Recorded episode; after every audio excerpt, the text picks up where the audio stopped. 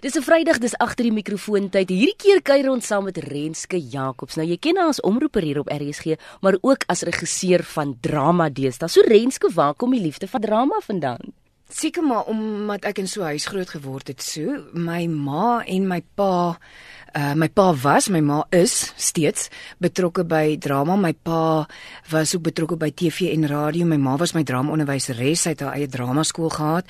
Ons is drie sissies wat al drie drama gedoen het, kunstwedstryde gedoen het ons hele lewe lank.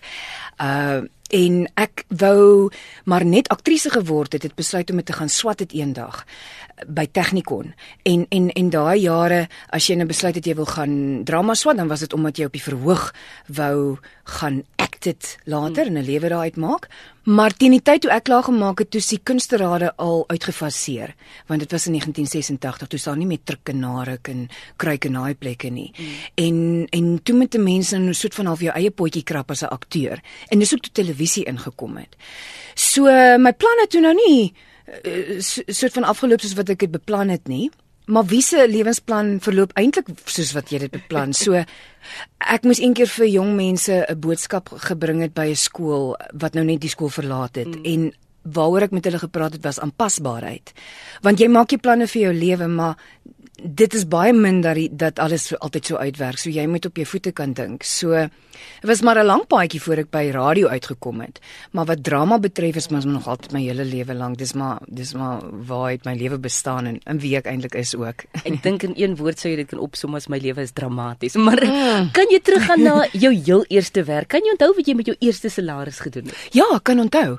Ek eh, het in Mr Price gewerk ek was een van die ouens wat staan en kyk het toe mense teemde op lig en dit hou teen hulle en dan besluit hulle wil dit nie hê nie en dan net so neergooi dan moet jy al daai teemde opvou. Die winkel mooi netjies hou. So ek kan verskriklik goed teemde en hemde opvou. Ek kan dit opvou sodat dit lyk asof dit nou in die winkel is. Dit was my eerste werk waar ek 'n salaris gekry. Het dit was R800 en ek en my kerel wat ek gehad het in daai stadium met met daai R800 gaan uit eet, maar ons kon ook hier betaal het en die maand se kos dink ek gekoop het. Ek beloof jou Sue. Goeie ou. Ja, jy lag nou want want, want jy's 'n hele paar jaar jonger as wat ek is. Dis wat ons kon gedoen het met R800 in daai jare. Ja. Ek praat nou van sjoe, was ek in 1995, 96 daar rond. Sjoe. Ja. Okay, weg van die werk af. Wat sou jy sê is 'n lekker wegbreekplek in die land?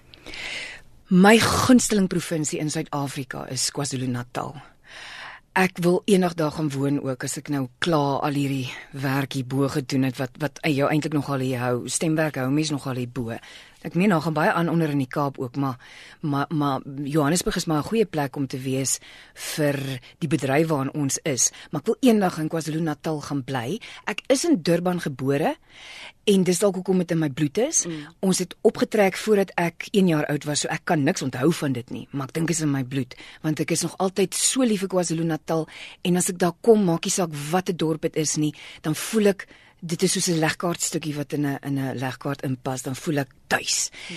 En ons het vir amper 20 jaar vakansie gehou in Port Edward elke Desember vir 'n hele maand lank vakansie gehou, kan jy glo, daai jare kom jy nog bekostig het altyd in dieselfde huis. Die mense daar gebly en dan hulle nou vir daai vakansie het hulle na hulle kinders in Pietermaritzburg toe gegaan mm. om vir ons die huis te gee om te huur.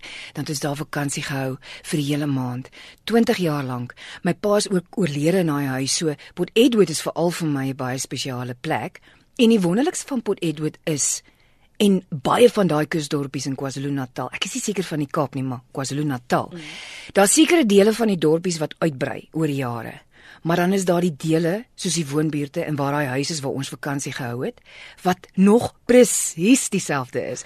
Toe ons laas jaar daar was met vakansie toe gaan kyk ons na die huis ons kon die pad nog onthou het want die straat het nie van dit is alles grondpaaie in 'n mm. geval.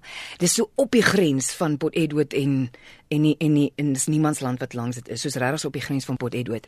En ek kon daai huis gekry het maklik omdat die strate nog presies dieselfde lyk. Die huise lyk nog presies dieselfde. So daai huise seker nou maar dieselfde nou al vir die afgelope 50 of 60 mm. jaar. Niks aanbouings of nie, maar dit werk. Dit dit dit werk. Dit is soos die huis staan daar en hy soet van half daar ingegroei amper al. Ja. Ja, is gaan nooit weer niks anders daar deel van die land nou. Ja. Renske Jacobs, het jy enige skuldige plesiertjies? Ehm um, Jo, ek is bietjie boring. ek is verskriklik lief vir my werk. So ek werk meeste van die tyd. Uh vandat ek 'n ma geword het, voor ek 'n ma geword het, het ek nogal baie fire dancing ook gedoen, vier danse. Maar ek het toe nou opgehou daarmee toe ek swanger geraak het want jy werk met parafin en dampe ja. en dinge. En na my kind gekom het is daar net nie meer tyd nie. Maar ek het vir laas jaar het ek begin Dis nie 'n skuldige plesiertjie nie, kon sommer open ek daaroor praat. Het ek gegaan vir my open water, my vryduik duikkursus. Oh. En En dis nou die nuwe ding wat ek nou wat ek nou aangepak het, maar dit kan 'n mens nou net doen as jy nou tyd het eintlik. Mm. Hier bo gaan duik jy maar in die quarries en die goed en dan nou en dan dan kom jy onder by die see dan kan jy in die see gaan duik. My sussie bly daarom daar in KwaZulu-Natal, so ons kan sin toe gaan. Maar die werk hou jy nogal hier bo vas. Ja. So ons sal nou ons sal maar net aanhou duik in die quarries om soos jy sê jou vaardighede net op datum te hou.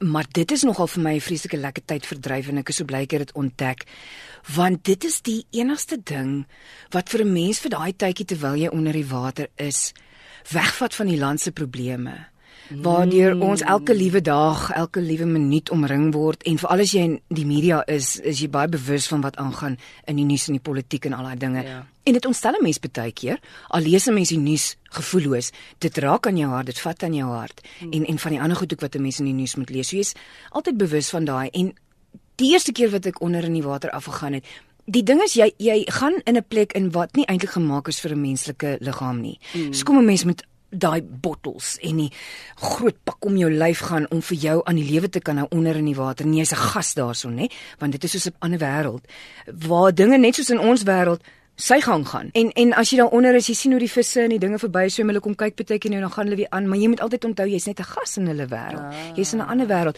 So jy kan nie en dan moet jy nou mooi fokus op wat jy nou doen, want jy kan baie maklik 'n ongelukkie optel en jy kan nie net skielik opskiet boontoe nie, dan gaan jy probleme met jou longe kry.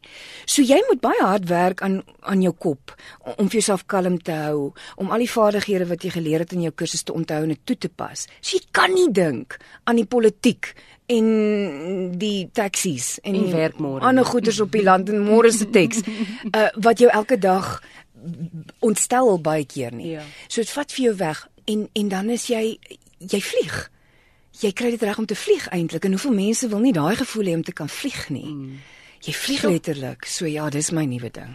Avontuurlustig, dramaties en hardwerkend. Agter die mikrofoon vandag Renske Jacobs. Dit was nou baie interessant. Dankie. Dankie so. Ja, ek was lekker om vir jou te vertel het. Ek gaan praat. 45770 per SMS ons albei hou van praat. En ons albei is klein. Ek kan net nie in my geestesoog sien hoe Renske gaan diep see duik in met hierdie bottels en gasdinge aan haar lyfie. Maar jy kan ons laat weet wie die volgende omroeper is wat jy graag beter wil leer ken agter die mikrofoon.